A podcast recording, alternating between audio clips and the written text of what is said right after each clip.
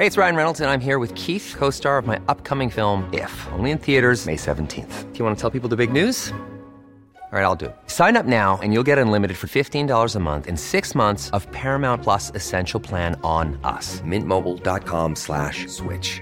Upfront payment of $45 equivalent to $15 per month. Unlimited over 40 gigabytes per month. Face lower speeds. Videos at 480p. Active Mint customers by 531.24 get six months of Paramount Plus Essential Plan. Auto renews after six months. Offer ends May 31st, 2024. Separate Paramount Plus registration required. Terms and conditions apply if rated PG. Ryan Reynolds here from Mint Mobile. With the price of just about everything going up during inflation, we thought we'd bring our prices down.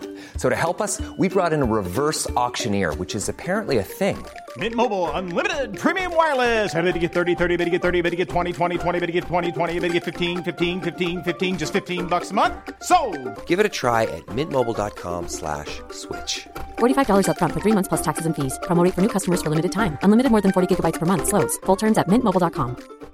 One size fits all seems like a good idea for clothes until you try them on. Same goes for healthcare. That's why United Healthcare offers flexible, budget friendly coverage for medical, vision, dental, and more. Learn more at uh1.com. Veckans sponsor är Telia. Hos Telia samlar man mobil, bredband, IT-support, mobilväxel, allt som gör företagande enkelt. Och det är just det här att samla allt på ett ställe, att ha någon att vända sig till när det inte fungerar, det är Telia. Ett exempel på vad som inte är Telia, det är ju som när jag lyckas boka förmötet för en poddinspelning med Finansinspektionen till efter själva inspelningstillfället. Eller när jag här, här året var liksom, fick för mig att jag skulle börja springa, så jag är liksom ute och springer taggad, träffar en kompis som säger så du Jan, på måndag ska jag springa ett lopp. Och jag känner så här, ja men det låter inspirerande, så jag käkar pasta, jag byter om, tar mig ner till Malmö stadion för att göra en efteranmälan, står där i kön och sen så när jag liksom anmäler mig så tittar de på mig och säger så här, du Jan, vårhuset är bara till för kvinnor. Och eh, det var, det var typisk situation som inte är Telia. Oavsett, ett stort tack till Telia som sponsrar, gör Rika Tillsammans möjligt, men framför allt tack till dig som lyssnar, följer och eh, hänger med oss varje vecka. Jag tycker att det är genuint synd att småspararna inte tjänar de pengarna som de skulle kunna göra, utan att man lämnar pengar på bordet helt i onödan och mycket till följd av just de här misstagen. Du lyssnar på Rika Tillsammans-podden som handlar om allt som är roligt med privatekonomi.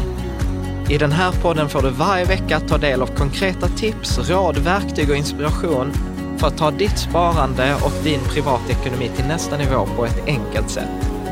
Vi som gör den här podden heter Jan och Caroline Bolmesson.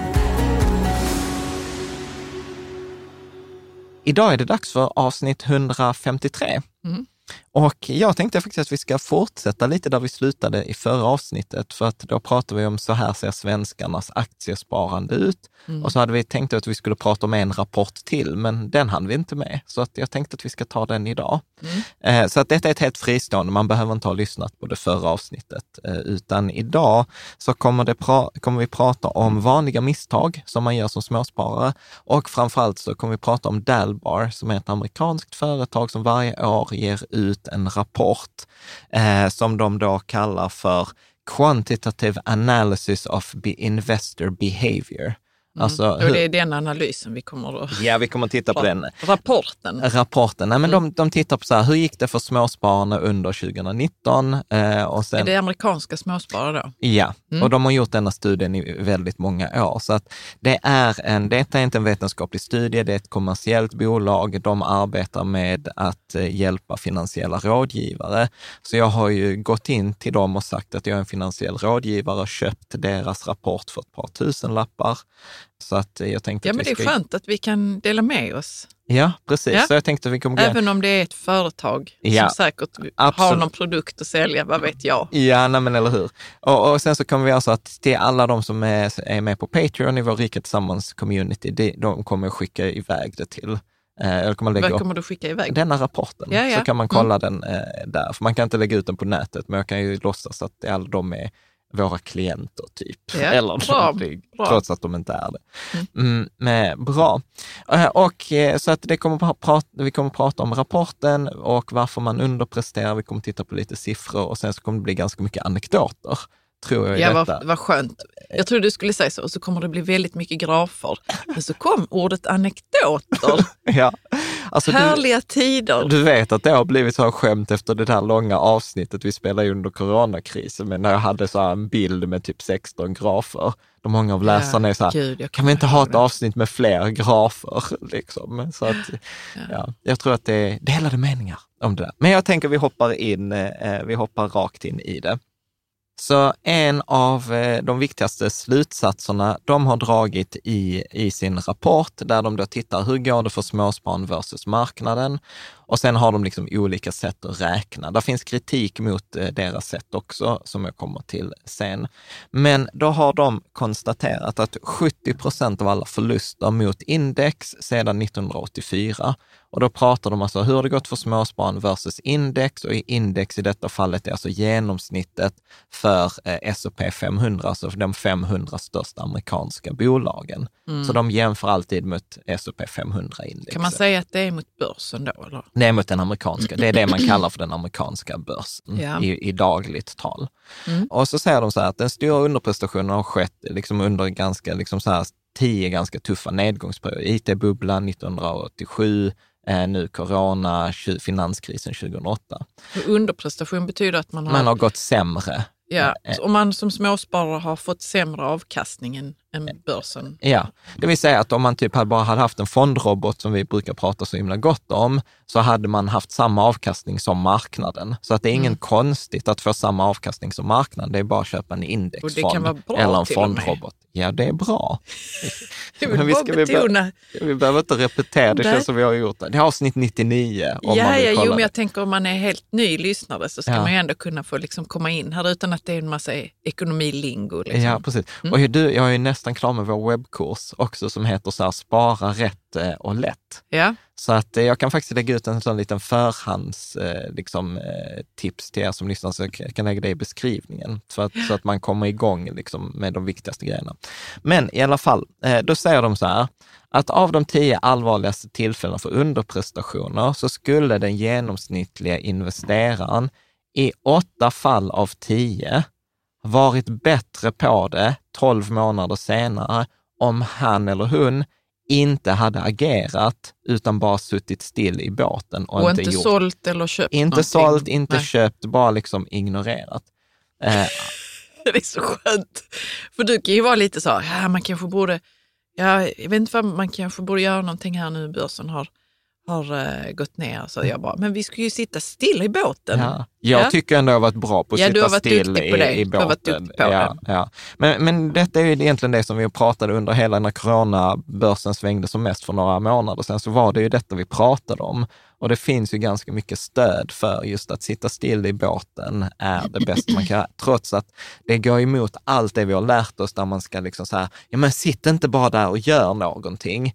Men medans Sitt inte bara där utan gör något. Ja, det är det vanligaste vi alltid lär oss, att man ska alltid agera. Medan när det gäller sparande så, så är det ju som Jack Bogle eh, sa, som är så här grundaren av den första indexfonden. Han sa bara, sitt där, gör ingenting. Mm. Liksom, så det är precis tvärtom.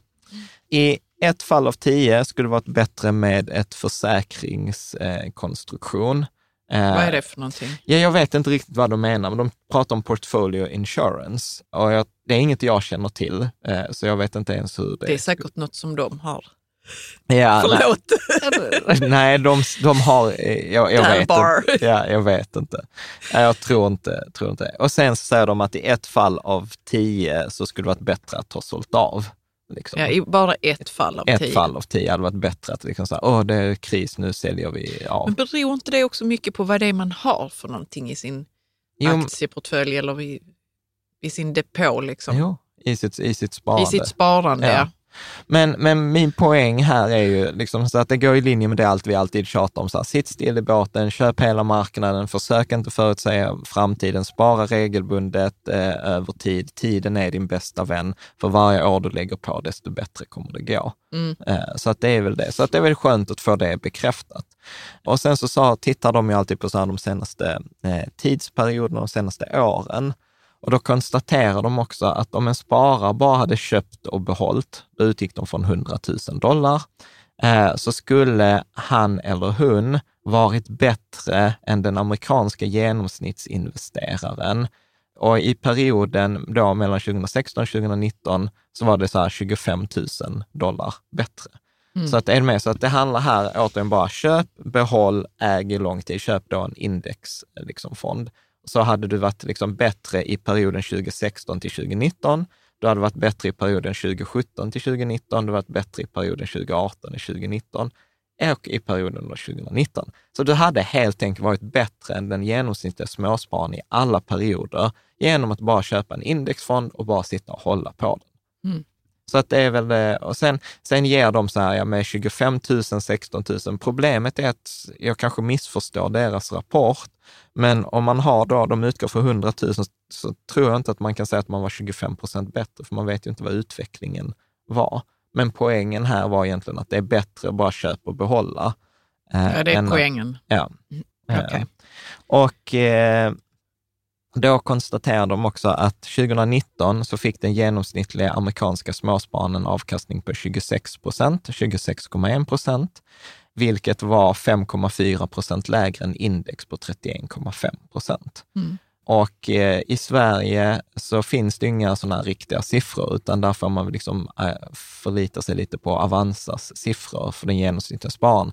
Men som också vet flera läsare och tittar på och lyssnar påtal efter förra avsnittet, i och med att detta inte är någon, liksom, man jämför eh, liksom, någon vetenskaplig studie gjord på Avanza, så blir det lite som att jämföra äpplen med päron. Så att man kan inte säga att det blev så som Dalbert, det blev 23 versus 35. Alltså eh, svenska siffror Ja, nu då. precis. Mm. Så, så den genomsnittliga spararen på Avanza hade 23 procents avkastning under 2019 och index Mm. gick 35, så det är en mycket större underprestation.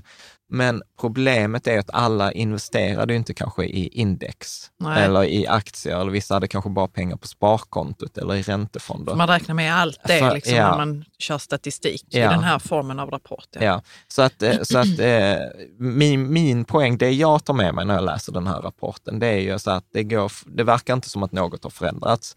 Småspararna är fortfarande sämre än index, ganska liksom mycket sämre. Sen tycker jag inte det är så relevant om det var 23 procent och index gjorde 35 eller om det var 28 eller 30, utan huvudsaken var att det var liksom sämre än, Ja. än index. Ja. Sen kan man ju lita mer på Dalbars eh, siffror där som säger att då, för då har de ju räknat så att jämfört äpplen med äpplen.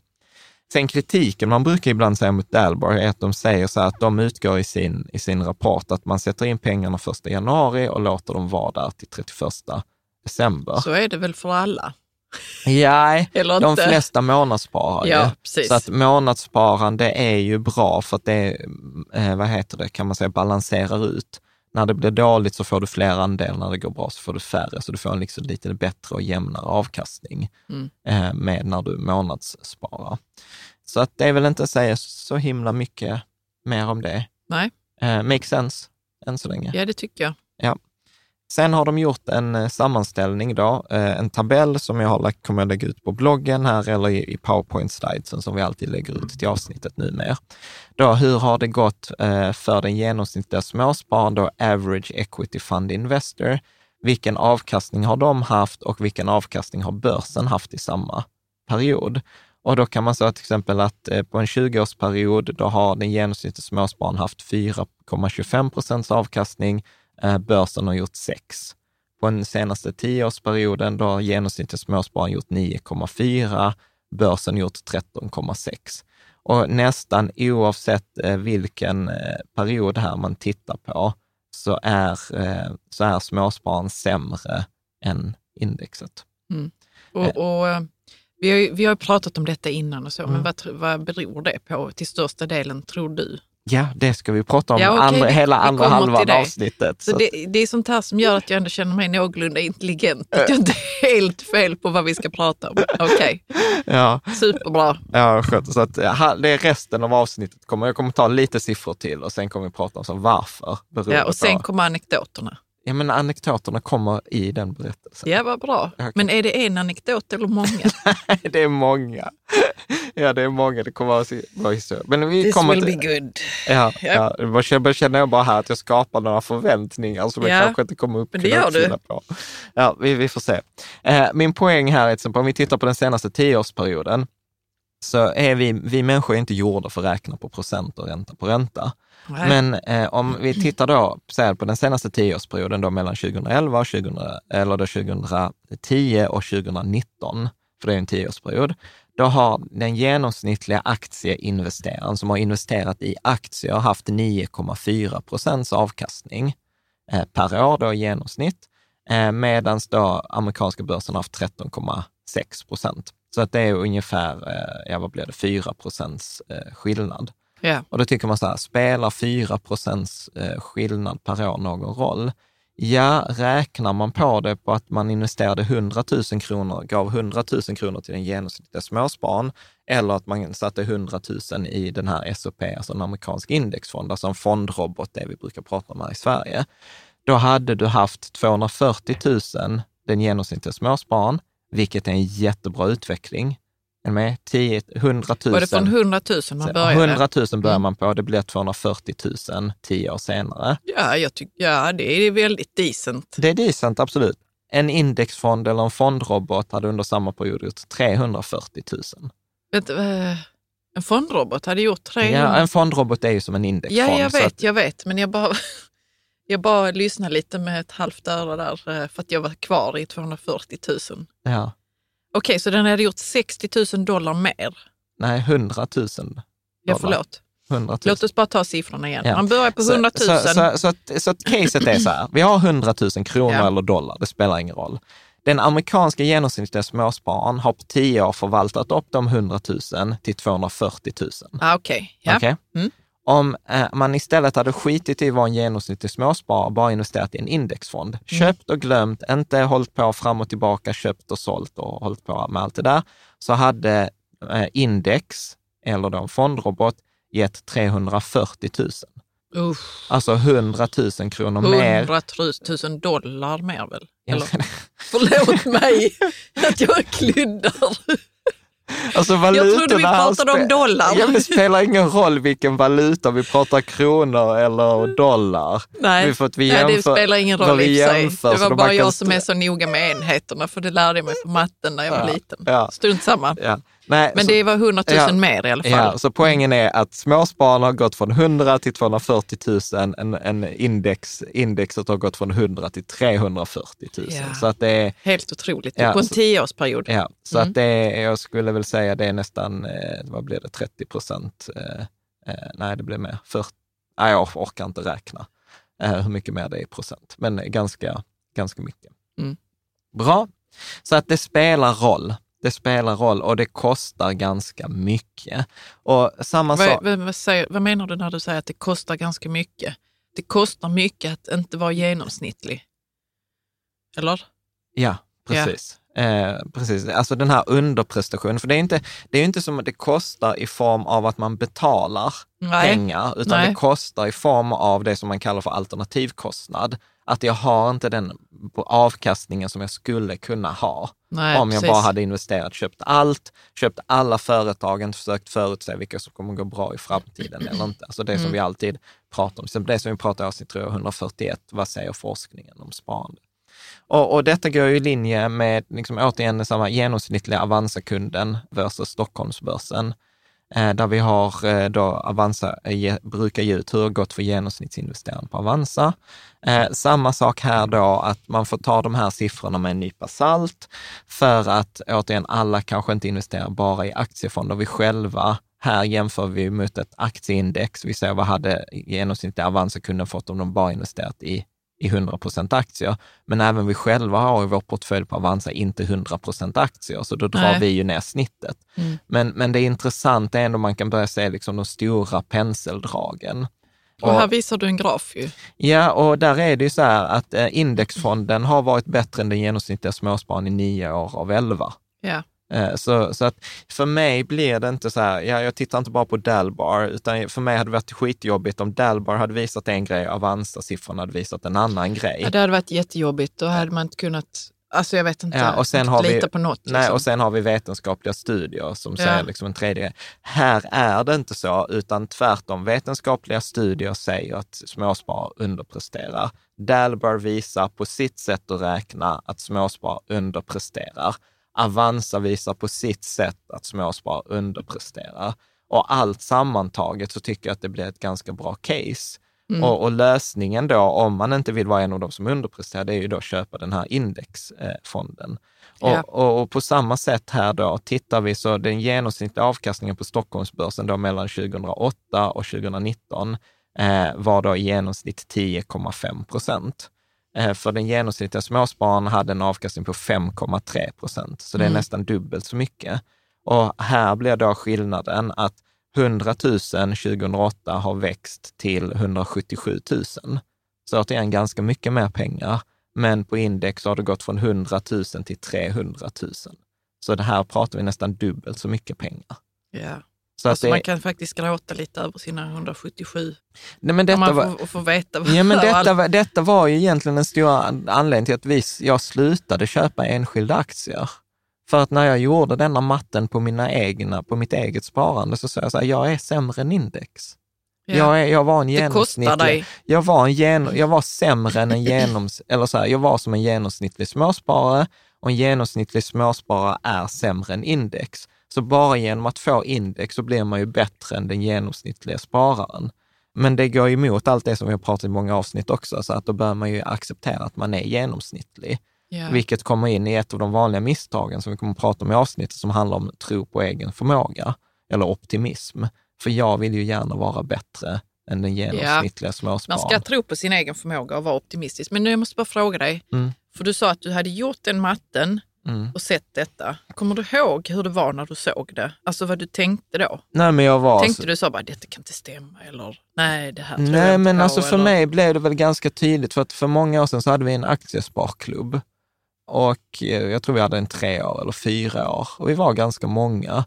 Och det gick ju skitbra första året, det gick jättebra andra året och sen så förlorade vi ganska mycket pengar det fjärde året och slog man ut det så var vi inte bättre än index. Och då köpte ni aktier? Ja, det vi var höll liksom på inga aktieindex? Nej, nej, vi köpte enskilda aktier, gjorde mycket analys, vi hade möten eh, och detta var duktiga människor, alltså folk som har hållit på med aktier skitlänge.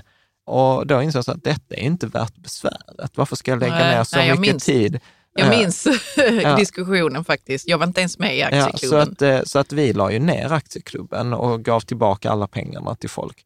Så jag Mm. tror att alla fick tillbaka mer pengar än de hade satt in. Men, men det var ju liksom ingen mening att hålla på med det. Och sen, Men hur kändes det då? För du, ni hade ju ändå rätt mycket, nej men det var ju ganska alltså äh, lagt mycket tid i det. Ja, nej men det kändes väl lite som så här lite tragiskt. Att man känner sig, eller jag brukar ju gärna gå till att jag känner mig lite dum i huvudet. Eh, liksom. Ja, men jag ty- tänker också att det är lätt att känna så att det är tragiskt och det är inte lönt liksom eller Ja. whatever. Men det finns ju en möjlighet i det. Ja, ja, men möjligt. Så här, vi hade ju inte haft bloggen och modellportföljerna och pratat om indexfonder om inte det hade hänt. Nej, hade haft, oss, eh, ja, så förhoppningsvis har det lett till att väldigt många sparare i Sverige har ett betydligt bättre sparande idag än vad de hade haft än om vi hade haft en framgångsrik aktieklubb. Så jag är inte ledsen för det bytet, men det var ju inte som att det var så här klockrent, utan ett tag funderade vi på att sluta spara och sen testade vi ju allt möjligt annat skit. För vi, först drog jag ju slutsatsen att aktier är problemet. Jag ville gärna tro att det var så här, du vet så kommer du ihåg så testade vi ju massa alternativa Nej, investeringar. jag kommer inte ihåg det. Vad var det ni testade då? då? Nej, men vi testar ju allt möjligt. Vi skulle ju köpa lägenhet i Turkiet, kommer du ihåg? Jo, men det minns jag. Men Ja, det kändes som och det vi- var innan på något vis. Nej, men det var i samma Det var i period. samma veva. samma period liksom. Men du, Ja. eh, jag ska inte bli långrandig kring det här. Du vet Nej. att jag alltid vill prata om något annat också. Eh, jag tänker att det finns säkert en hel del andra aktieklubbar där ute i landet Ja. som ändå keep going. Liksom. Ja, ja. Eller, Och jag rekommenderar alla att vara med i en aktieklubb eller starta en aktieklubb, och så här, men inte för att tjäna pengar. nej, det är kanske mer kul bara. Ja, att, så här, du vet, att ha ett intresse. Alltså så här, till exempel, nu är det ju så här, vi hänger ju mer med Armen, vår personliga tränare, än vad vi hänger med våra, många av våra kompisar. Eller hur? Vi träffar ju Armen en gång Ja, i det, veckan. Va, det är för liksom. att han kickar vårt ass Ja, varje vecka. Nej men precis. Men förstår du, vart jag är på väg är så att vi har ett sammanhang för det och vi träffar honom Ja. mycket mer än vad vi Ja, ja, träffar visst. våra, liksom vi träffar Filip och Jenny eller många av andra våra kompisar. Så att, så att för mig tänker jag att en aktiesparklubb är ju ett sätt att skapa en struktur där man träffar sina kompisar, eh, man gör någonting tillsammans, man har roligt, alltså att det är socialt. Mhm. Och framförallt så ska man inte heller underskatta detta att man lär sig om ekonomi. För ofta när, man då, när vi träffades, vi pratade inte bara aktier, vi pratade om liksom annat sparande och vi pratade om hur, liksom, eh, hur gör man med försäkringar och man pratar om massa andra grejer också. Mm. Så att jag tycker att alla sammanhang där man träffas och pratar om ekonomi tycker jag att man ska plugga in i. Särskilt om man kände sig som jag, svältfödd, att jag kände mig ensam och jag inte hade någon att prata med och jag tänkte mycket, har jag gjort rätt? Så att jag tror ju mycket på det. Ingen människa har blivit framgångsrik på egen hand, utan allt jag kan och liksom där jag är ju tack vare andra människor. Men jag skulle vara så här, lura inte dig själv att du kommer göra detta för att öka din avkastning eller tjäna mer pengar. Utan det där är ju en hobby. Vissa träffas för att sticka tillsammans och vissa Ja. träffas för att spela datorspel Man har tillsammans. kostnader involverade i Ja. stickklubben eller i, I, gamingklubben. ja, så att jag menar, då kan man väl lika gärna ha det som med sin aktiesparklubb Mm. också. Så det är därför jag är så här, jag är, vi är ju medlemmar, eller jag vet inte om du är, jag är medlem i Aktiespararna och Nej, Freja, jag är nog inte det, men Ja, vi har barnen.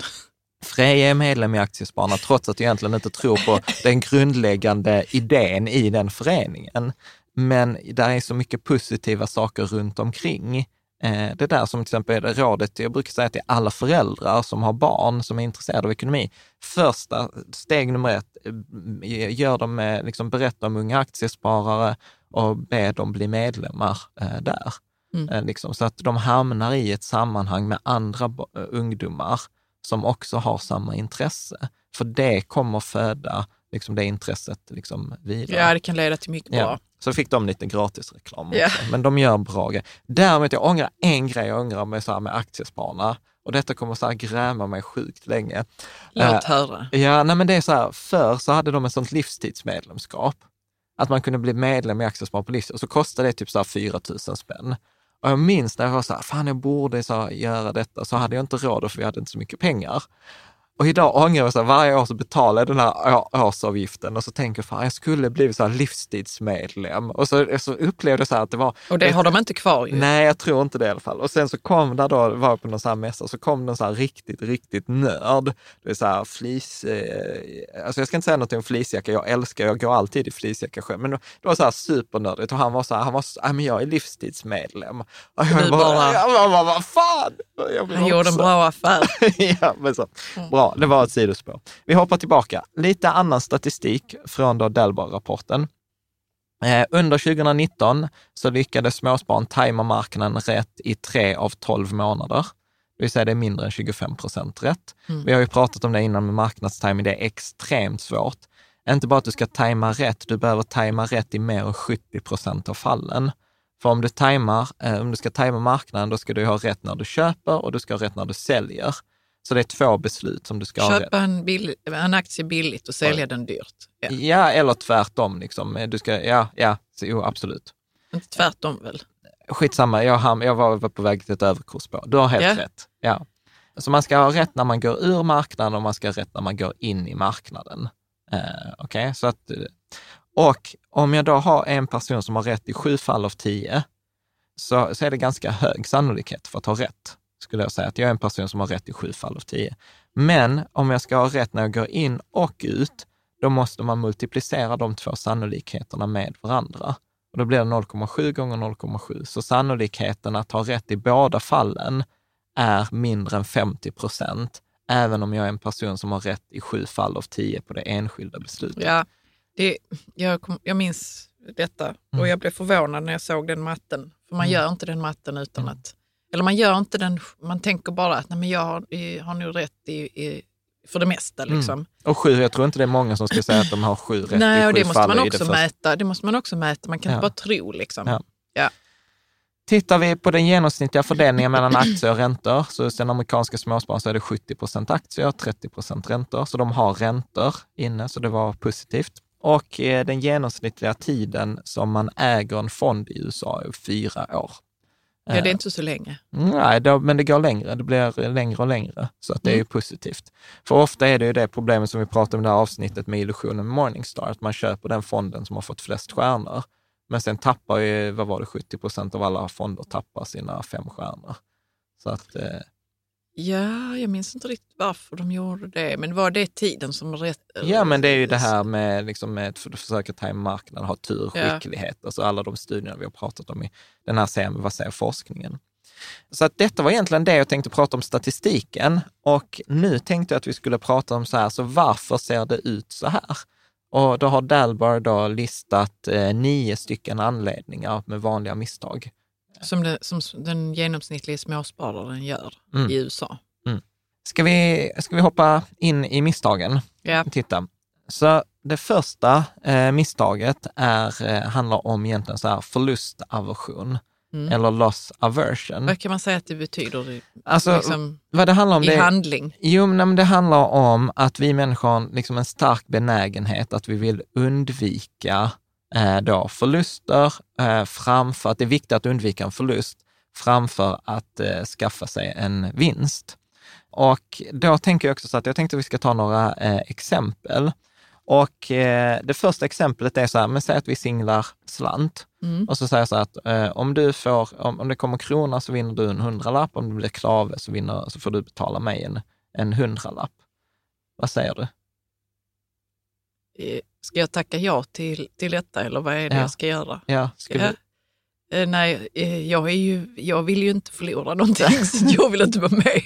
Nej, eller hur? Och detta, är så här, detta har man gjort mycket ve- vetenskapliga studier på och de flesta tackar nej. Man Mm. tycker inte detta är något kul eh, spel. Och för att vi värderar en, en förlust så känslomässigt mycket mer än vad vi gör en vinst. Så att i genomsnitt, eh, om jag hade sagt så här, att eh, du har då singlar slant, men du vinner 200 kronor och om du förlorar så får du betala mig en hundralapp.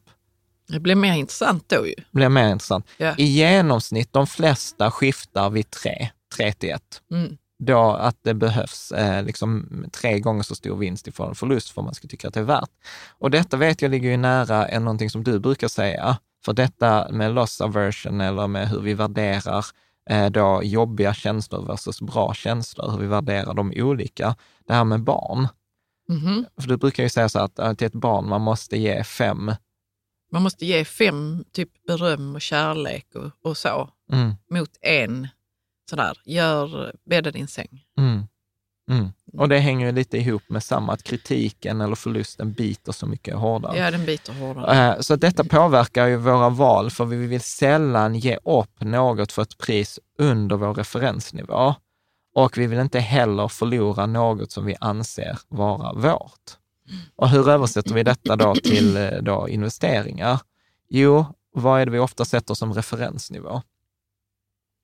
Jag vet inte vad Hur mycket pengar vi har satt in eller vad vi har köpt en aktie eller en fond för. Ja, okej. Med, så att så går vi in på kontot och så ser vi att vi har köpt någonting för 10 000 eh, och sen minskar det till 9 500.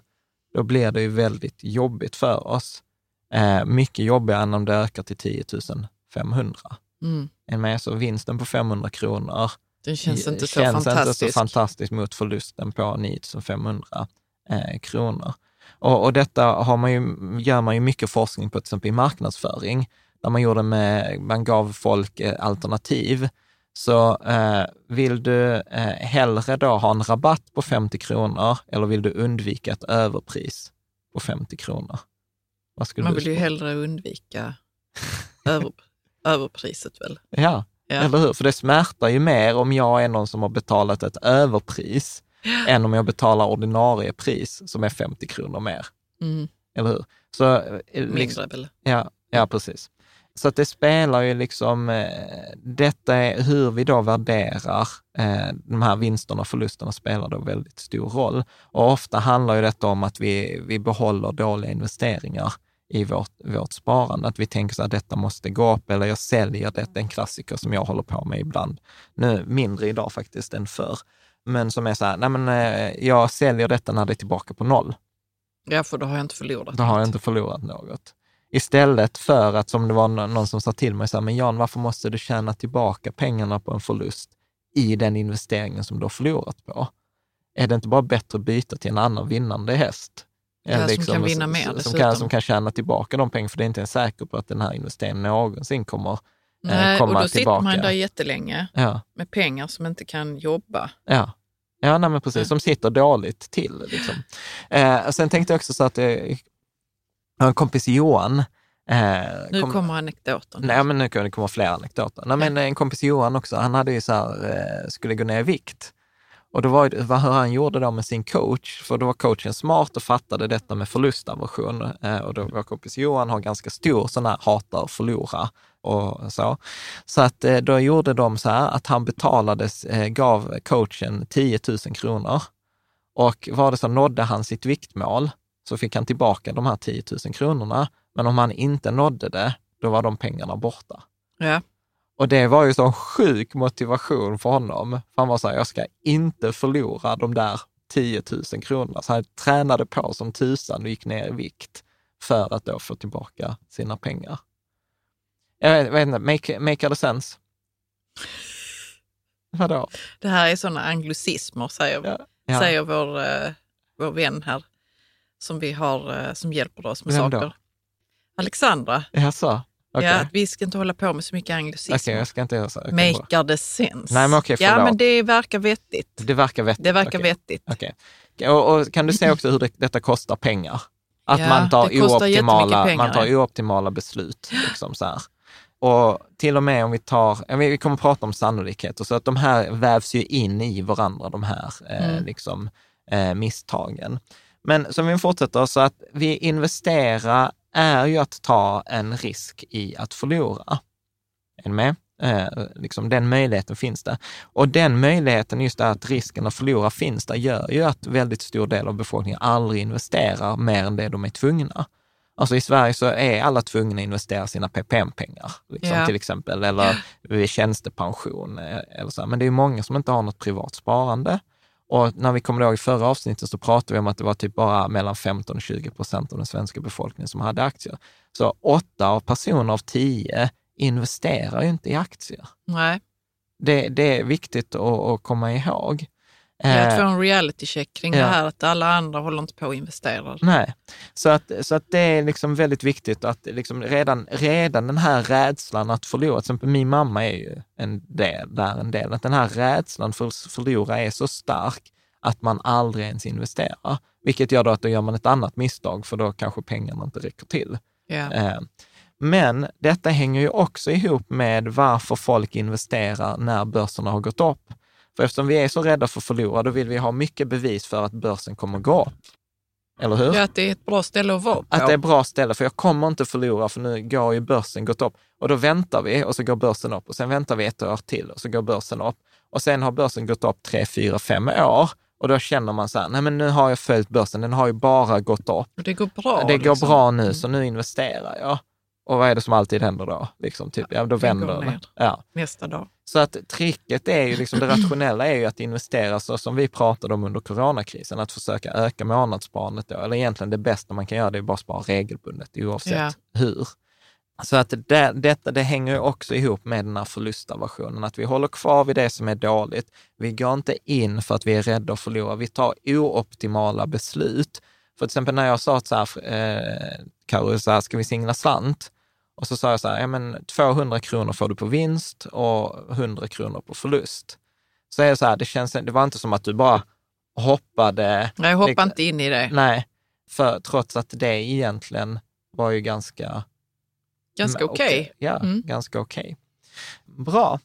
Så jag tänker eh, att vi ska ta ett eh, exempel här. Så nu Mm. ska du få vara med på ett experiment och du som lyssnar eller tittar kan också vara med på det. Så att du ska ut, jag kommer ge dig två val, två stycken val med A, B Ja. alternativ. Och jag vill att du utvärderar båda valen innan du fattar ditt beslut. Så du ska Okej. välja ett av alternativen till den första frågan och ett av alternativen till den andra eh, frågan. okej? Mm. Så att eh, vad väljer du helst? Så fråga nummer ett, två alternativ. Eh, en säker vinst på 240 kronor eller en 25 procents chans att tjäna 1000 kronor och 75 procents sannolikhet att inte tjäna någonting. Så det är det ena valet, att få garanterat 240 kronor eller ha 25 procents sannolikhet på en tusenlapp. Ja. Okej? Ja. Det andra frågan, det andra alternativet som du har valt, för de här hänger ihop eh, sen, det är ju då att eh, välja en säker förlust på 750 kronor eller 75 procents sannolikhet att förlora 1000 kronor. Hänger med? Ska jag repetera det en gång till? Nej, men jag tror... Mm. Så vad väljer du? 240 kronor garanterat eller 25 procents sannolikhet att vinna 1000 kronor? Skulle jag förlora någonting där? Nej, det skulle jag Nej, inte. nej, sannolikheten är så 75 procent att du inte tjänar någonting. Så 240 säkert eller 25 procents chans att tjäna en tusenlapp. Det är ju rätt liten chans ändå. Alltså. Ja. Jag tar det säkra. Ja, du tar, du tar pengarna. A. Ja. Eh, I alternativ nummer eh, B, en säker förlust på 750 kronor eller 75 procents chans att förlora en tusenlapp. Ja, det är ingen... fan, det känns inte som man vinner någonstans. alltså. Jag tar 75 procents chans. Ja. Risk. Ja. Ja. Och det är ganska roligt. Vi har inte förberett detta, utan du blir ju utsatt för det här experimentet eh, direkt.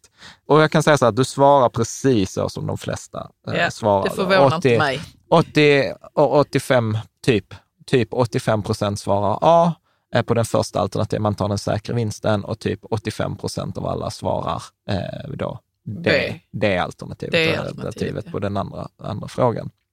Och tittar vi då, då eh, liksom, för det viktiga här var egentligen kombinationen.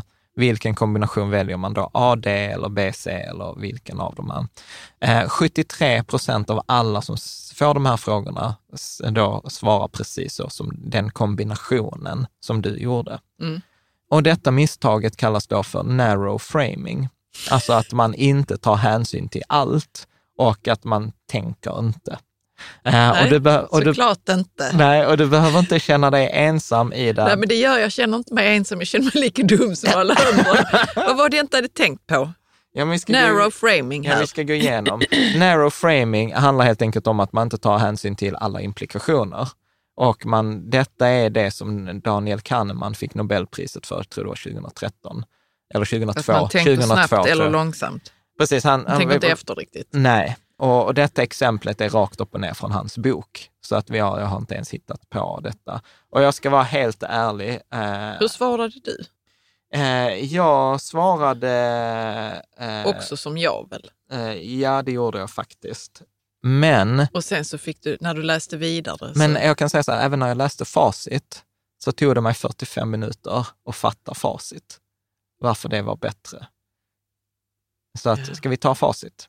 Vi tar facit och sen så Mm. får vi prata om facit kanske. Ja. Mm. Så facit här är att det som de flesta väljer, det är ju då att garanterad vinst på 240 kronor och sen, det vill säga att då är man riskavers.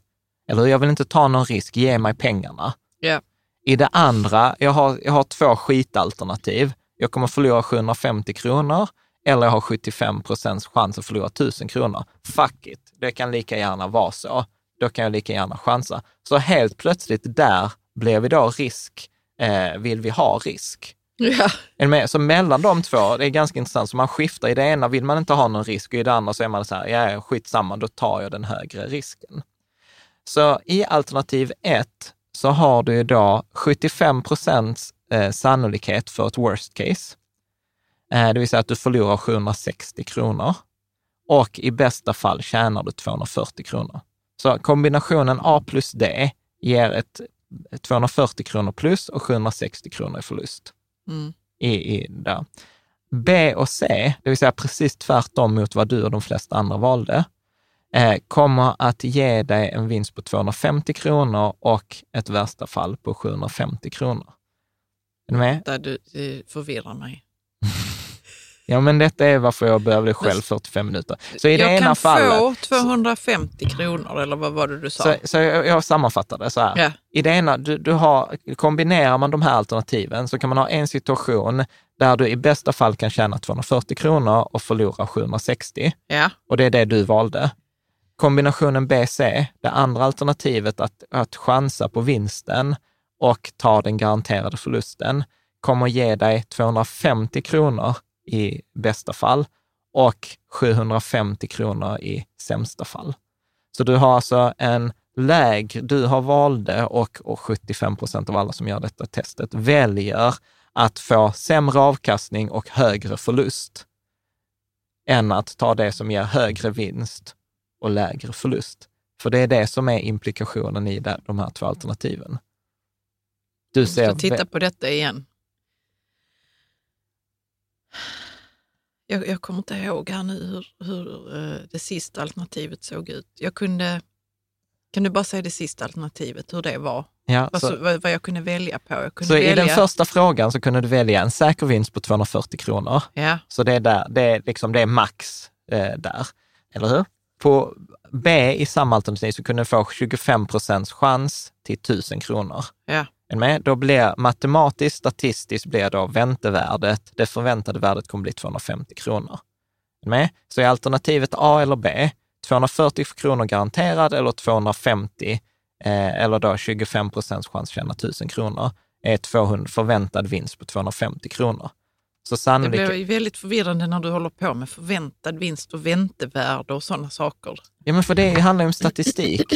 Men vi har ju introducerat 25 procents chans att vinna 1000 kronor. Ja, det har vi introducerat. Mm. så då måste man ju räkna ut, så vad är det förväntade värdet? Ja, då kommer jag då få 250 kronor. Över, om man gör detta många gånger så kommer det bli då 250 kronor. Mm. Snittet kommer gå mot 250 kronor. Hänger du med på det?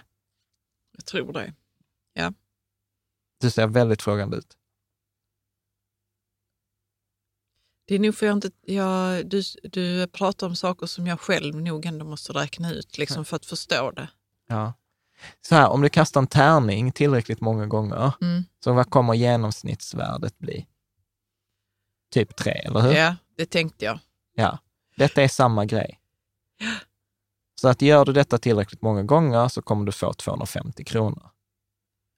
Hänger du med på det? Så att det är bättre att välja de där där du har sannolikheten för 250 kronor än att garanterat välja 240 kronor. Är du med på det? Kan vi bara pausa här? jag vill se det framför mig.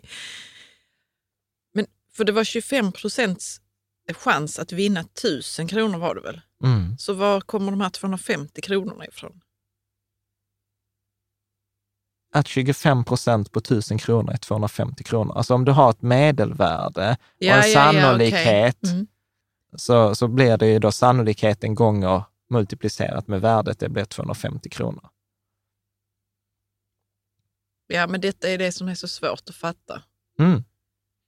För att jag tänker ju att det handlar om 1000 kronor. Som Ja. jag i, en fjärdedel av fallen kan få, men jag garanterar att inte, liksom, eftersom Nej. jag alltid har otur. Nej, precis. Så därför behöver man ju tänka på detta.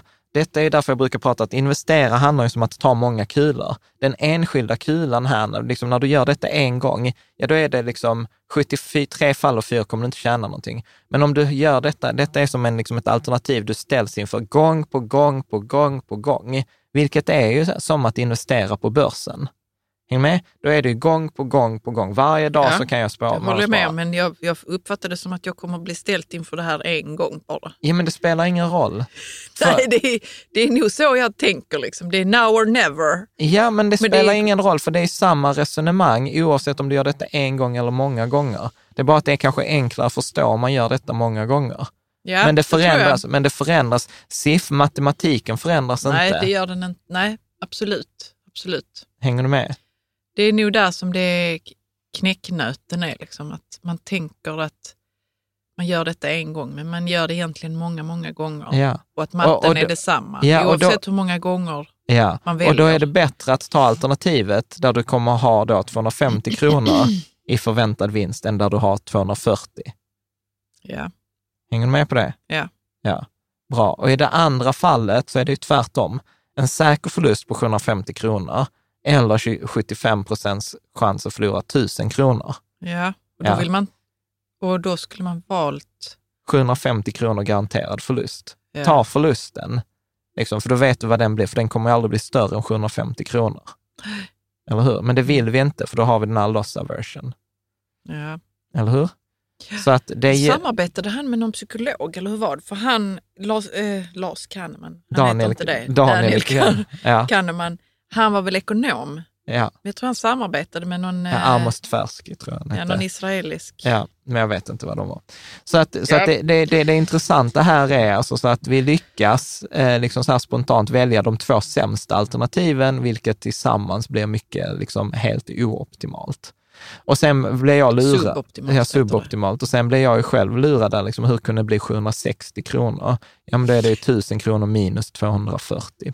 Eh, men man kan kolla det på, på bloggen. Ja, alltså så, så mycket matte håller vi inte på med när vi ska välja och, Nej. och liksom ta beslut här och nu. och Nej, sånt. utan det, vi går ju helt känslomässigt. Och de flesta gör så här, garanterad vinst och chansar, så att man, eh, man vill eh, säkra hem, ta hem vinsten heter det. Och sen så chansar man med förlusterna, för man har redan förlorat. Ja, då spelar det ingen roll om man förlorar mer. Liksom. Ja, Yes. så ganska illustrativt exempel och lite jobbigt, eller hur? Det som är jobbigt är ju inte att jag har skämt ut mig här i podden. Det som är jobbigt är att jag tänker så, när kommer jag göra nästa misstag? När kommer jag ta nästa beslut som är idiotiskt? För att min hjärna inte vill tänka långsamt. Ja, Nej, men alltså så här, han har ju en hel bok med sådana här exempel, där han pratar om också så här, Men blev du en bättre investerare efter att du hade läst den? Eh, både ja och nej. Alltså så här, jag, jag inser ju att jag är dum i huvudet. Ja. Eh, alltså så här, att, att jag utgår alltid från, när jag får en sån här fråga, jag kommer att svara fel. Så att det jag alltid spontant vill svara, det är så här, Det är fel. Det utgår jag från att det är fel. Nej, men de hade ju till exempel så här ganska intressant, så här, hur, hur man svarade att nu till exempel i coronakriser, ga- ganska intressant, så säger man så här, man har en studie, nu ska jag bara se om jag, om jag kommer ihåg eh, detta, detta rätt, att säga att eh, man har eh, 600 personer Ja. som är sjuka och så ska de ha ett nytt eh, läkemedel och du är den som kommer att bestämma. Är du med? Så nu är du liksom så här ansvarig person eller du är ett team. Vi utgår från att man är ett team. Så vill du antingen 600 personer, nytt läkemedel, okej? Eller behandling, egentligen handlar om behand, Behandling, behandling. ja. behandling. Mm. Eh, Med eh, behandling nummer A så kommer 200 personer räddas. Och med ha- behandling B så kommer en tredjedel av 600 personer räddas, men två, eh, två tredjedelar kommer att dö. Vilken väljer du? A eller B? Men vad var det, 200 i det första? Två- 200 personer kommer räddas i det första eller i det andra alternativet så kommer en tredjedel räddas och två tredjedelar kommer dö Av 600? av sa du. 600. Ja. Det är ju samma väl? Samma antal som Ja. räddas väl i båda fallen, eller? Hur var det nu? 200 pers? Ja. Ja. ja, så kommer du rädda 200 pers eller hur ska du ha det? Känner jag mig helt... En tredjedel av 600 är ju 200 väl? Ja. ja, det är sant. Alltså grejen är att de är helt, helt ekvivalenta. Men låt oss då ta nästa exempel. Så du har ett nytt läkemedel för 600 personer. Eh, så ska du välja, detta är då alternativ C och D. 400 personer kommer dö. Eller då en tredjedel att ingen kommer dö och två tredjedelar att alla kommer dö. Jag vill ju inte att alla ska dö. Nej, men det är bara 66 procent sannolikhet att alla kommer dö. Det är bara 66. Ja. Säg det igen, förlåt mig. 400, ny, ny behandling för 600 personer. Ja, Så 400 personer kommer dö i den ena behandlingen. Eller i den andra behandlingen kommer eh, då en tredjedel kommer inte att dö. jag tar den andra behandlingen. Nej, vänta, vänta, vänta. Jag vill inte, jag vill inte ha två tredjedelar som dör. Eller får man ta det första? Nej, men vänta. 400 eller två tredjedelar. Det är, är det inte samma? Jo. Man blir helt knäpp av det här att man inte... Ja. Eh, alltså, jag vet inte vilket som är värst. Att få höra antalet som ska dö eller behöva räkna ut Exakt. hur mycket två tredjedelar det är. Ja. Och det, detta är det roliga, för det är exakt samma alternativ och folk svarar helt olika. I det tr- är det inte för att man tror att man behöver svara snabbt? ja, Att, man behöver, att det är stress ja, kring hela upplägget? Liksom. ja. Nej, men till exempel så här, när man gjorde detta, med, om man har gjort detta experimentet med både experter och liksom lekmän, så är det först att 200 personer kommer räddas, eller då en tredjedel kommer räddas och två tredjedelar kommer dö, så valde 72 procent att man ville rädda de där 200 personerna. Man tänker inte att de andra kommer ju dö i alla fall. Liksom. Och i det andra så 400 personer kommer dö, eller då att en tredjedel kommer inte att dö. Ja, då väljer vi det andra. Så att vi liksom agerar, vi blir liksom riskaversa i vissa val och vi, sen vill vi ta risken i andra val. Och trots att liksom det är egentligen exakt samma Mm. sannolikhet. Sen var ju det taskigt i det här med matten som vi gjorde med säker vinst. Alltså där är det ju så här, ganska mycket matte, så det var inte ekvivalenta alternativ. Men Nej, redan, nej. men redan här när vi ställde de här frågorna, du vet, så känslomässigt så har man dragning åt det ena.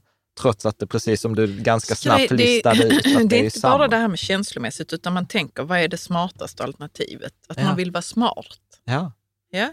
Precis. Att man inte vill vara dum här nu. Ja. Man måste tänka Men, men liksom. tänk också så här, nu är detta ändå uppsatt. Vi pratar om misstag och, och liksom så här, du vet, du vet om att du kommer att bli blåst. Ja. Och du tycker ändå det är jobbigt. Och när man inte vet Tänk, att man ska bli precis. blåst Tänk att du, detta valet i normala fall utsätts du för. När hela du, tiden och ingen säger så. Nu, Nu, nu, titta nu kommer en kuggfråga! Liksom, det är ju inte så nej, det det är ingen dyker som upp. formulerar det så, nej. Ja. Mm. Visst är det spännande? Det är det. Ska vi ta mental bokföring? Ett, ett av Är det nu nästa. fortsätter vi med de här nio misstagen. Ja, så nu, nu, är vi, nu, är vi på det, alltså nu är vi på det tredje. Så, oj, där. Så då handlar det om så att vi bokför pengar, vi tillskriver pengar olika värde. Vi tar Ja. till exempel så här, semesterkontot, det är andra pengar än räkningskontot, trots att det egentligen är samma pengar. Eh, pengar som till exempel för mig är väldigt tydligt, pengar på presentkort är inte lika mycket värda som vanliga pengar, eller pengar jag får i gåva är inte lika mycket pengar som de jag har tjänat ihop. De, jag värderar pengar jag har tjänat ihop mycket mer än typ alla andra pengar. Eh, trots att en krona som är intjänad på lön är lika mycket värd som en krona i utdelning eller en krona i avkastning. Eller i gåva. Ja, ja, visst. Och där kan man ju hårdra det till och med. Att det kanske är någon som tjänar mindre än dig per timme som har gett dig ett presentkort. ja, ja, dessutom. Tänk dig bara det, hur mycket den personen har behövt jobba för de, de pengarna som ja, ja. Hen ger till ja, dig. Ja, ja. Men till exempel för mig är väldigt tydligt så här, jag är typ en, en, två gånger om året så får jag parkeringsböter. Och det är så här, typ 600 eller 800 spänn. Det är inget som stör mig eller jag tappar så mycket energi på. på här jag vet det. Jag Ja. vet detta. Okej, det känns som att där ligger någon åsikt eller någon Nej, berättare. men vi har ju haft en sån historia där du fick en bot.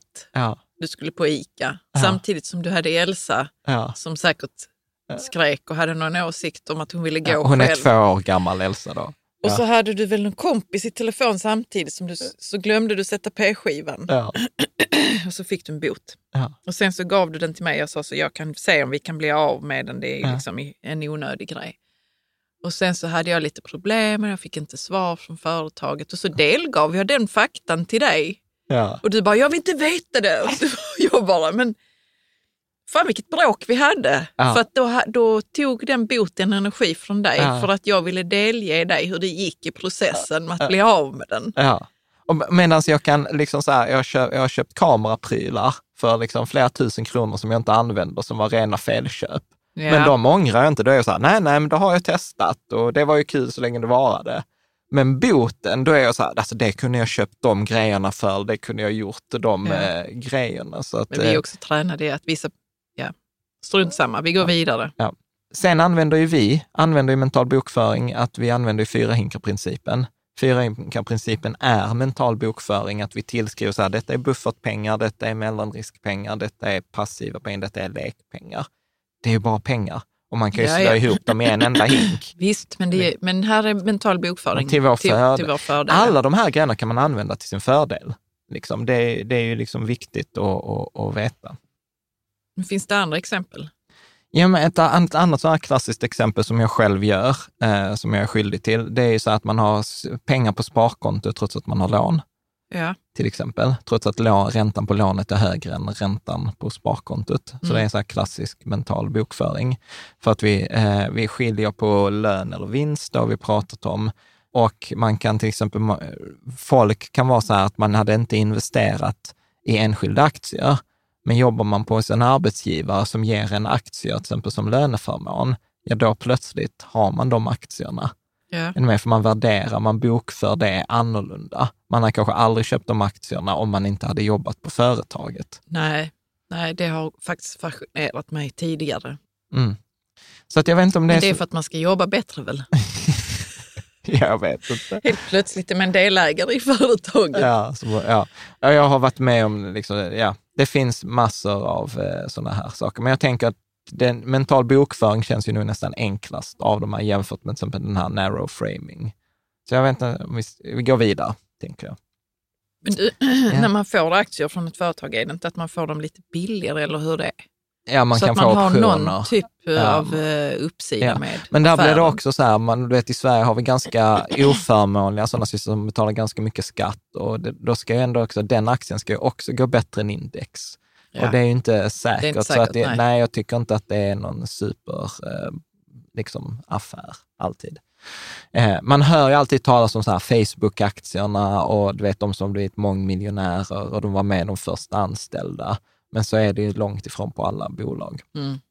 Det fjärde misstaget tror vi är på, diversifieringsmisstag, att de flesta har eh, inte spridit, utan har alla äggen i samma korg. Men man har en eller två aktier. Ja, det såg vi ju att majoriteten hade ju mindre än fem aktier, det tror jag vi pratade Fem om. olika ja. sorters aktier. Ja, precis. Eh, en, ett annat misstag eh, som de också pratar om i Dalborough-rapporten är att man tror att man är diversifierad när man inte är det. Alltså, ja, men jag har diversifierat här mellan de här olika fonderna eller med de här olika aktierna, men det är fortfarande aktier. Du har inga räntor, du har inget guld, du har Nej. liksom inga olika typer av räntor. Eller så. Sant, sant. Eh. Där gick jag i den fällan. Ja, För jag var bara så här, det ska vara olika sorters aktier. Och du bara, ja, fast Ja, olika men det sorters vara- tillgångslag kanske. Och också, alltså så, här, så att det gäller ju också att till exempel att ha en, en eh, eh, globalfond, till exempel en Länsförsäkring en globalfond och en Avanza globalfond har samma innehav, så det ger ingen diversifiering genom att jag har köpt de två fonderna för de underliggande bolagen är samma. Så det är också så här att det är lätt att bli lurad. Att man Men tror... har vi inte pratat om det innan? Att Jo. det är okej, liksom, eller hur är det nu? Jo, vi har pratat om det utifrån att det är ett skydd gentemot försä- alltså fondbolaget etc. Men det är en marginell risk. Det är ju inte det man tänker på när man Nej. köper två fonder eller tre fonder. Vi såg ju det nu med Spiltan, fonden företagsobligationer. Man trodde att man var diversifierad, men man var inte det. Eh, Så att det är ju ett vanligt, eh, Jag, jag vet, jag kommer inte ihåg riktigt. Eh, Var det Spiltan räntefond? är som stängde. Precis, att eh, vi såg det till exempel med företagsobligationsfonder, att eh, man trodde att man hade en bra räntefond, men den gick ju ner nästan lika mycket som aktier. Så att det var liksom ett misstag i, i, i tanken kring diversifiering. Eh, där. Eh, och sen, sen så kan det ju vara så här att man har många olika aktier i samma land, eh, eh, till exempel att man inte har div- diversifierat geografiskt. Kommer ihåg, vi pratade ju mycket i det här avsnittet med hon som var kapitalförvaltningschef på APs 7 Sofa. De pratade mycket om diversifiering. Diversifiering Ja, ja, mellan ja. tillgångslag, diversifiering inom tillgångslaget, diversifiering i tid. Mm. Att när du köper också är också viktigt att kanske inte alltid köpa på samma gång, utan att diversifiera och sprida ut det. Mm. Eh, Och, och, det, och det är så himla komplext. Alltså till exempel som jag läste en hemsida som skrev så här att man tror att om man köper ett bilföretag, ett flygbolag, då tänker man att då har man ju diversifierat. Det ena är liksom så engångskonsumtion som man köper liksom stort belopp när man köper ny bil och det andra är liksom fritidsresor. Liksom resor. Ja. Men problemet, tittar man på det, så är både flygbolag och bilaktier korrelerade mot oljepriset. Med? Så att då kan man tycka att man har diversifierat i olika branscher, i olika företag, men de båda har man inte diversifierat mot oljeberoendet, liksom som, båda, som styr båda priserna. Är ni med? Så att där är, där är så mycket... Men hur mycket ska man tänka efter här kring divers, Köper man en fondrobot så har de gjort det jobbet åt en eller en indexfond. Ah. Så att detta är ett sånt här problem som försvinner om man, eh, om man, om man kör med en Mm. fondrobot. Och det är sådana här mycket liksom som man, man, kan, man kanske aldrig har tänkt på de här grejerna innan. Att det är så. Ska vi ta nästa misstag? Ja, ankring har du skrivit. Ankring är att vi relaterar till upplevda eh, händelser och så använder vi det som en referensram. Alltså att vi säger att detta är min referens. Kan du ta något exempel? Jo, men jag tänker till exempel, eh, eh, nu tror jag att många av oss i vår generation kommer ha en ankring kring corona och pandemi. Ja. Alltså tittar man på mina ja, föräldrar lärt, så har, de, så har aldrig haft någon relation till pandemi, medan pandemi kommer påverka resten av vårt liv. Mm. Kommer ihåg när vi var på, eh, innan Freja föddes, så var vi i Stockholm och hälsade på ett par kompisar, så gick vi på NK och tittade på barnvagnar. Oh, ja. Och, så var det jättefina barnvagnar som kostade Ja. typ så här 15-20 tusen. Och, jag- och då, ah, det var första gången jag såg några barnvagnar, så jag var så här, barnvagnar kostar 15 000. Och sen, Ja. och sen när vi skulle köpa en barnvagn så bara hittade vi på Blocket så här typ för 2 000. Ja, och då vi ha- fick köpa en för 1500 av en kollega till mig. Ja, så var det Mm. ju. Och då hade jag ju ankrat att en barnvagn kostar 20 000, så jag var ju så här, shit vilket kap vi har gjort här. Utan att jämföra vad kostar begagnade barnvagnar, utan jag hade då en spikad, jag hade ankrat priset på barnvagn till 15 000 och jag har gjort det fortfarande. Liksom så att nu när, när Elsa föddes så var jag bara för skojs skull inne på Emma Ljungas hemsida. Ja, och nu, Och- då kunde man sätta ihop Ja, sina egna med och då- och då olika chassin. Och, Exakt. Och då satte jag ihop och så bil kostade den 15 000 och då var jag så här, ja men det är ju vad en barnvagn kostar. alltså, så den men här, grejen är att jag hade inte ankrat det, så jag var helt förfärad över priset. Tänkte att det ska bli Blocket denna gången. Ja. Så fan heller att jag köper en ny. Men jag fattar varför man köper en ny också. Ja, vi har- Självklart. Ja, vi har ju fått slänga någon begagnad barnvagn. Mm. Nej, så att, så att detta med ankring, det som blir så roligt att jag, jag har så kopplat det så att jag kan tycka att en barnvagn under 15 000, det är ju rena kapet. Liksom. Ja. Eh, en annan så exempel, min pappa dog ju när han var 49 år gammal. Så att eh, om jag då eh, liksom lever längre än 49 så kommer jag ju känna så här, oh, Att titta, du har plus jag har plusår eh, där. Eh, Medan om man, dör, om man är en person som dör innan sina föräldrar så känner man ju att man har blivit lite snuvad. På livet. Ja, för att man har liksom Mm. ankrat hur länge man lever, ofta i, i, till förhållande till sin förälder av samma kön. ja, ja visst. visst. Ja, bra. Det kan ju också ställa till, det här med ankring kan ju också ställa till, eh, och referensram, man kan ju ställa till problem som det gjorde för oss förra lördagen. Jag kommer inte ihåg vad du menar. Kommer du ihåg, du, skulle, du gick ju din distansutbildning Ja, med gjorde jag. kurs. Så du behövde ju liksom sitta och jobba och jag skulle ha barnen hela dagen. Och jag tyckte ju jag gjorde ju sånt hjältedåd som hade liksom barnen, du vet så här, vi skulle ut till Bauhaus och köpa färg och måla pallkragar. Och sen så köpte jag fel färg och så, och så blev det lasyrfärg för jag kan ingenting om Du färger. fick faktiskt fel råd Jag fick Bauhaus. fel råd, så må- Banna Bauhaus Ja, och för så- deras dåliga rådgivning. Ja. Och sen så hade jag den här bilden av liksom hur jag ska stå där ute och måla pallkragarna Och det med ska barn. vara idylliskt. Idylliskt med så här barnen där vi har varsin pensel.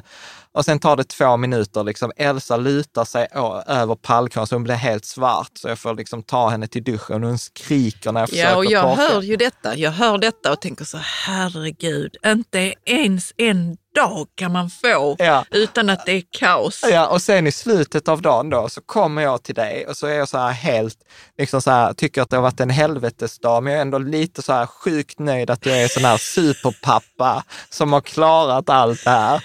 Och jag får typ noll uppmärksamhet. Nej, för att jag var sur över att, eh, över att jag behövde så mycket trots att jag hade sagt att jag behöver vara i totalt, Ja, total avskildhet. Ja, men- Har ni nycklar? Ja, vi har nycklar. Ändå får jag öppna för er ja.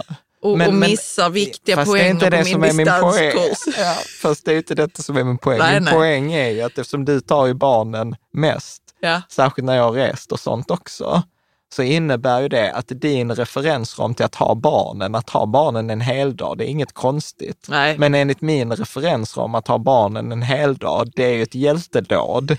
Förstår du? Och då skapar Det var här- också det som gjorde mig upprörd, för, ska jag erkänna. Ja, Ja, strunt samma. Men du, du, visst, vi hade olika referensram. ja, så ankringen till vad man gör. Eh, ekonomi handlar det om vad var aktiekursen förut? Är med? Att när jag ska sälja någonting eller köpa någonting eller så tittar jag på vad har den varit innan. Så vi lägger väldigt mycket vikt vid vad har något haft för ett värde? Är det billigt eller dyrt nu? Vi har ja, ja, när man pratar om, om hm aktien Ja, så, har vad har den legat i? Ja, så tittar man. nu är den ju inte alls uppe i de nivåerna. som den har varit i. Mer då ankrar vi mot historien. visst, liksom. visst. Mm. Vi, vi har pratat också mycket om i avsnitt 144 kring att vi har som generation ankrat till att aktier eh, går väldigt bra. Att aktier är det man ska äga och så när man ska investera på lång sikt frågar man alltid vad ska man ha? 100 procent aktier. Hade du frågat någon som är född på 30, 40, 50-talet så hade de inte alls sagt eh, liksom 100 procent aktier, utan då kanske de hade sagt som Harry Brown, ja, du vet så här, mm, då ska du nog ha 25 procent guld, 25 procent korta räntor, 25 procent långa räntor. 25 procent aktier. Ja. 25 procent aktier. Så att du har liksom det som vi rika tillsammans-portföljen. Alltså korta räntor, långa räntor, guld och aktier. Ja. För han har en annan referensram till liksom inflationen på 70-talet och aktier som gick dåligt på ett 40-30-talet. Alltså sånt. Så att referensramarna spelar stor eh, roll. Mm. Vi har tre kvar, tänker jag. Ja. Eh, var det något du tänkte? Nej. Sen är misstag att man agerar på input från media, att man agerar på nyhetsbrev, sociala medier. Det var någon som skrev till mig, och sa, ja, när jag investerar så gör jag det alltid efter tipset i min WhatsApp-grupp. Eh, och då var det han och några kusiner som eh, hade liksom en WhatsApp-grupp. Och då var jag så här, okej, det hade kanske inte jag använt som en köpprocess. Det är jätteintressant. Vad är det för människor som sitter där? Ja, men det var kusiner, va? Det var Jo, men är de såna, eh, Nej, jag tolkade det som att de inte var det, utan det var det någon som hade hört något. Alltså, jag vet inte vad jag ska säga. Men okej, Ja, så gör folk. man ska inte ta tips från media. Nej, Nej. Nej, eh, Eller ens från nej från, man ska, eller från en expert överhuvudtaget. Kommer ni ihåg, vi hade ju ett avsnitt där vi sa så att det är högre sannolikhet att få rätt på singla slant än att lyssna på en expert som pratar om framtiden.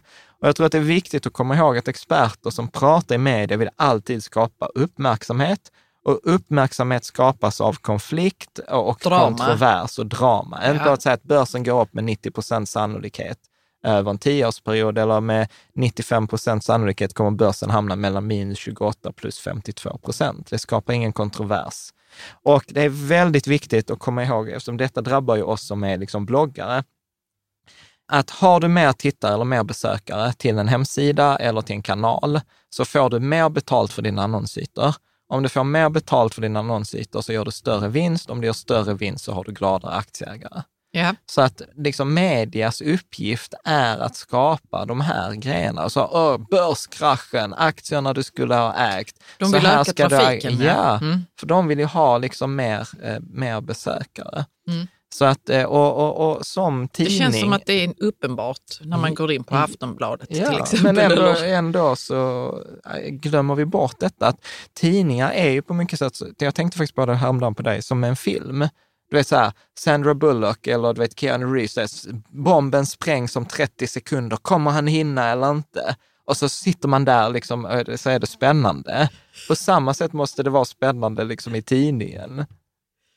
Du bara skrattar. Ja, jo men det är sant. Det måste vara spännande i tidningen också. Ja. Ja. Kanske något åt det hållet. Kommer han hinna desarmera? Ja. Kommer detta desarmeras i tid? Ja, nej men precis.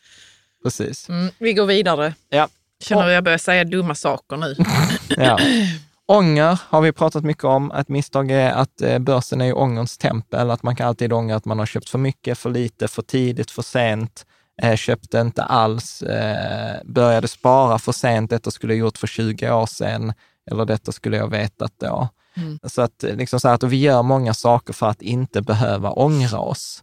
Eh, Så det är väldigt vanligt eh, att, att vi fattar beslut utifrån rädsla att vi ska ångra oss. Ja, vi tänker alltid worst case, vi tänker inte best case.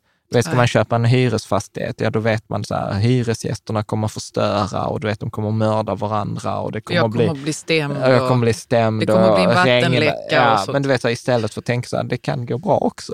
Eh, eh, Och sen också det som vi har pratat om, att inte fatta, liksom utvärdera sina beslut utifrån hur det gick.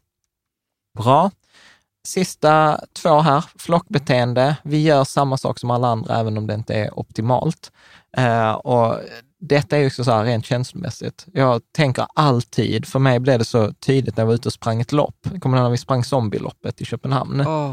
Eh, zombieloppet. Ja, var jättekul. Berätta vad du tänker kring detta. Ja, Ännu en härlig anekdot. nej, men, nej, men vi skulle springa zombieloppet och det är så att man har tre liv och så är det en massa zombisar på banan som ska ta ens liv. Mm. Och så skulle vi springa och så springer vi då en klunga och hela klungan springer åt vänster Ja, precis är- i början. Precis i över början. en bro. Över en bro så För springer det är, en ganska, det är en ganska stor väg. Ja, Liksom. men så ska man ju springa så ser jag att den snitslade banan är åt andra hållet. Och jag bara, det är så här sjukt Ja, du bara stod där. Jag bara stod äh, helt som ett liksom så här fruset rådjur, för det var ju fel att springa efter dem, men jag kunde inte springa dit själv. Alltså så här, För det var en liten ja, bana in i skogen. ja, precis. Så att vi, det är så svårt. Vi gjorde den då. Du gjorde- tog täten Ja, och sen, till kom all, och sen kom alla andra. Ja. Liksom, så att man sparar i samma aktier som man, man gör som alla andra. Det är ju därför vi får bubblor. Liksom man, nu ska, man ska köpa liksom den här teknikaktien, eller nu är utdelningsaktier populära, eller den här eh, Evolution Gaming eller Powercell eller någonting. Du vet, det, det skapas den här liksom, hetsen. Fidget. Men du, vet du vad? Jag Mm. bara tänker så här. Är det inte skönt att göra som alla andra? Jo, är jätteskönt, för du behöver ju aldrig eh, liksom, slå på dig själv eller eh, sticka ut eller vara rädd för att du inte får vara med. Jag börjar Alltså. fatta den boken jag har nu i min sommarkurs. Ja, Kurslitteratur. Jag har börjat läsa en bok som är lite så deprimerande, men den är bra. ja. Du får berätta om det. Underkastelsen. Jag Ja. tror jag fattar det nu. Att, eh, varför vi är lyckliga när vi underkastar oss. Ja, för du behöver inte tänka. Och du behöver inte Nej. liksom så här ifrågasätta dig själv och sånt. Jag kommer fortsätta läsa boken nu. Ja. Jag har tagit en paus. Ja. Mm. Eh, och detta är allt från börsbubb, fidget spinners. Kommer du ihåg? Alla skulle ha en fidget spinner. Ja, det kan du något- fråga Freja om. Jag Ja. har inte varit med om den. Nej, men vi hade ändå dök de plötsligt upp hemma hos oss. Ja, det gjorde de. liksom. Så att det är extremt svårt att stå emot eh, flocken. Liksom. Mm. Bra. Och sista handlar ju om eh, optimism eh, eller övertro på sin egen förmåga. Ja, detta har vi ju behandlat innan. Precis. Att Jag- man vill tro att man kan jag- klara... Jag kommer slå marknaden. Jag är bättre än de andra investerarna. Jag är en bättre bilförare. Jag har en bättre känsla för detta. Ja, om jag bara läser på och lägger mer tid, då kommer jag kunna göra, eh, göra detta. Eh, och här är ju alltid så här frågor roligt ställa, brukar jag alltid ställa på våra föreläsningar. Så här, hur många här är, är sämre bilförare än snittet? Eh, liksom, och hur många är Det- bättre än snittet? ja. Det är väldigt få som räcker upp handen och säger att de är sämre bilförare än snittet. Det är alltid någon, men eh, liksom, det är De inte... gjorde, de, det finns ju någon, någon serie på Netflix också där de gjorde så att de hade hundra människor. Så sa de så, ni som, som känner er snyggare än snittet stannar kvar, resten går. Äh. Det var så många fula som stod kvar. Jag, jag hade ju gått ju. Jag lovar, jag hade gått för jag, ja, ja, det handlar nog om självförtroende. Det handlar om var det- självförtroende. var det. Ja, det jag Okej, det vi har övertro på. Ja. I vissa områden i alla Ja, fall. Man tänker så här, detta liksom, eh, kommer inte drabba mig. Det, det Ja. drabbar andra. Ja, Eller om det drabbar, drabbar mig så kommer jag kunna hantera detta. Trots att det visar sig att investerare som handlar mest är de som har lägst avkastning. Trots att du liksom är vi 100 pers så kommer det vara en medianbilförare och hälften kommer vara sämre än den medianbilföraren och hälften kommer vara bättre. Eh, det finns många exempel så här, 40 procent av alla par skiljer sig, så det är nästan 50-50 sannolikhet. Men frågar du så här par som precis har gift sig, så är det inte fyra av tio par som kommer säga så här, nej, vi kommer nog skilja oss. Nej, nej, nej. Liksom. nej. Så att eh, det är ju, så att där är ju liksom en optimism. Det finns ett fantastiskt TED-talk på det där med optimism och övertro. Det är ju bra för oss människor att vara optimistiska, så Det jag säger jättebra, det är Men vi, det kostar oss pengar. Det bör vi Mm. vara medvetna om. Bra, eh, då tänker jag att vi rundar av. Ja, det har dagens- varit en härlig, eh, vad är det, en och en halv timme? Ja, typ. En, Ja. en, en timme, 20 minuter kanske. Mm. Så att jag hoppas att du hade kul. Blev det några anekdoter? Får jag godkänt Ja, det anek- blev anekdoter. Ja. Du får godkänt. Det är så sällan vi har anekdoter. ja, men du får, Som vi, är svältfödd. ja, vi får ha fler anekdoter. Så att jag tänker så här, för dig som är på Patreon eller vill vara en del av vår Rika Tillsammans-community där du får extra material. Vi, I veckan gav vi ut ett börstips eh, som blev 20 gånger övertecknat, eh, Pexip. Och det verkade som ganska många Patreons fick tilldelning. Mm. Nu ska jag inte uttala mig att vi har tjänat pengar, för det vet vi inte förrän imorgon. Vi spelar Nej. in detta i onsdags nu när vi publicerar detta på söndagen. Eh, Men det var ett sånt typiskt eh, tips som vi gick ut med som förhoppningsvis har gjort att eh, de flesta har tjänat pengar. De, det har vi i alla fall gjort på de tidigare tipsen.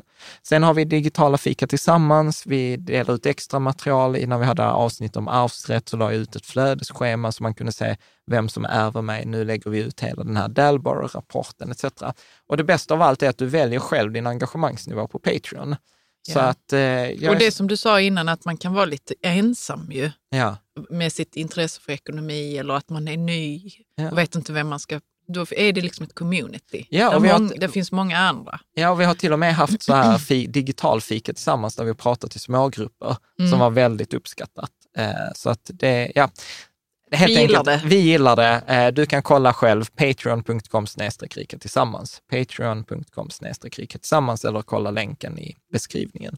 Så att eh, tack så hemskt mycket för denna veckan och så hoppas jag att vi ses eh, nästa söndag. Mm. Och jag vet inte riktigt vad det kommer bli nästa söndag, men jag håller på med research till ett avsnitt som kommer heta Bästa livförsäkringarna. Så jag har skickat sådana offertförfrågningar nu till eh, typ alla bolag. Trygg Hansa var så här, nej du får inte. Vilket var jättekonstigt. Men, eh, det, Men det åter- kanske ändå kommer någonting det kanske dem. kommer någonting. Ja, vi håller eh, tummarna. av det. Så tack så Mm. mycket, ha det så bra.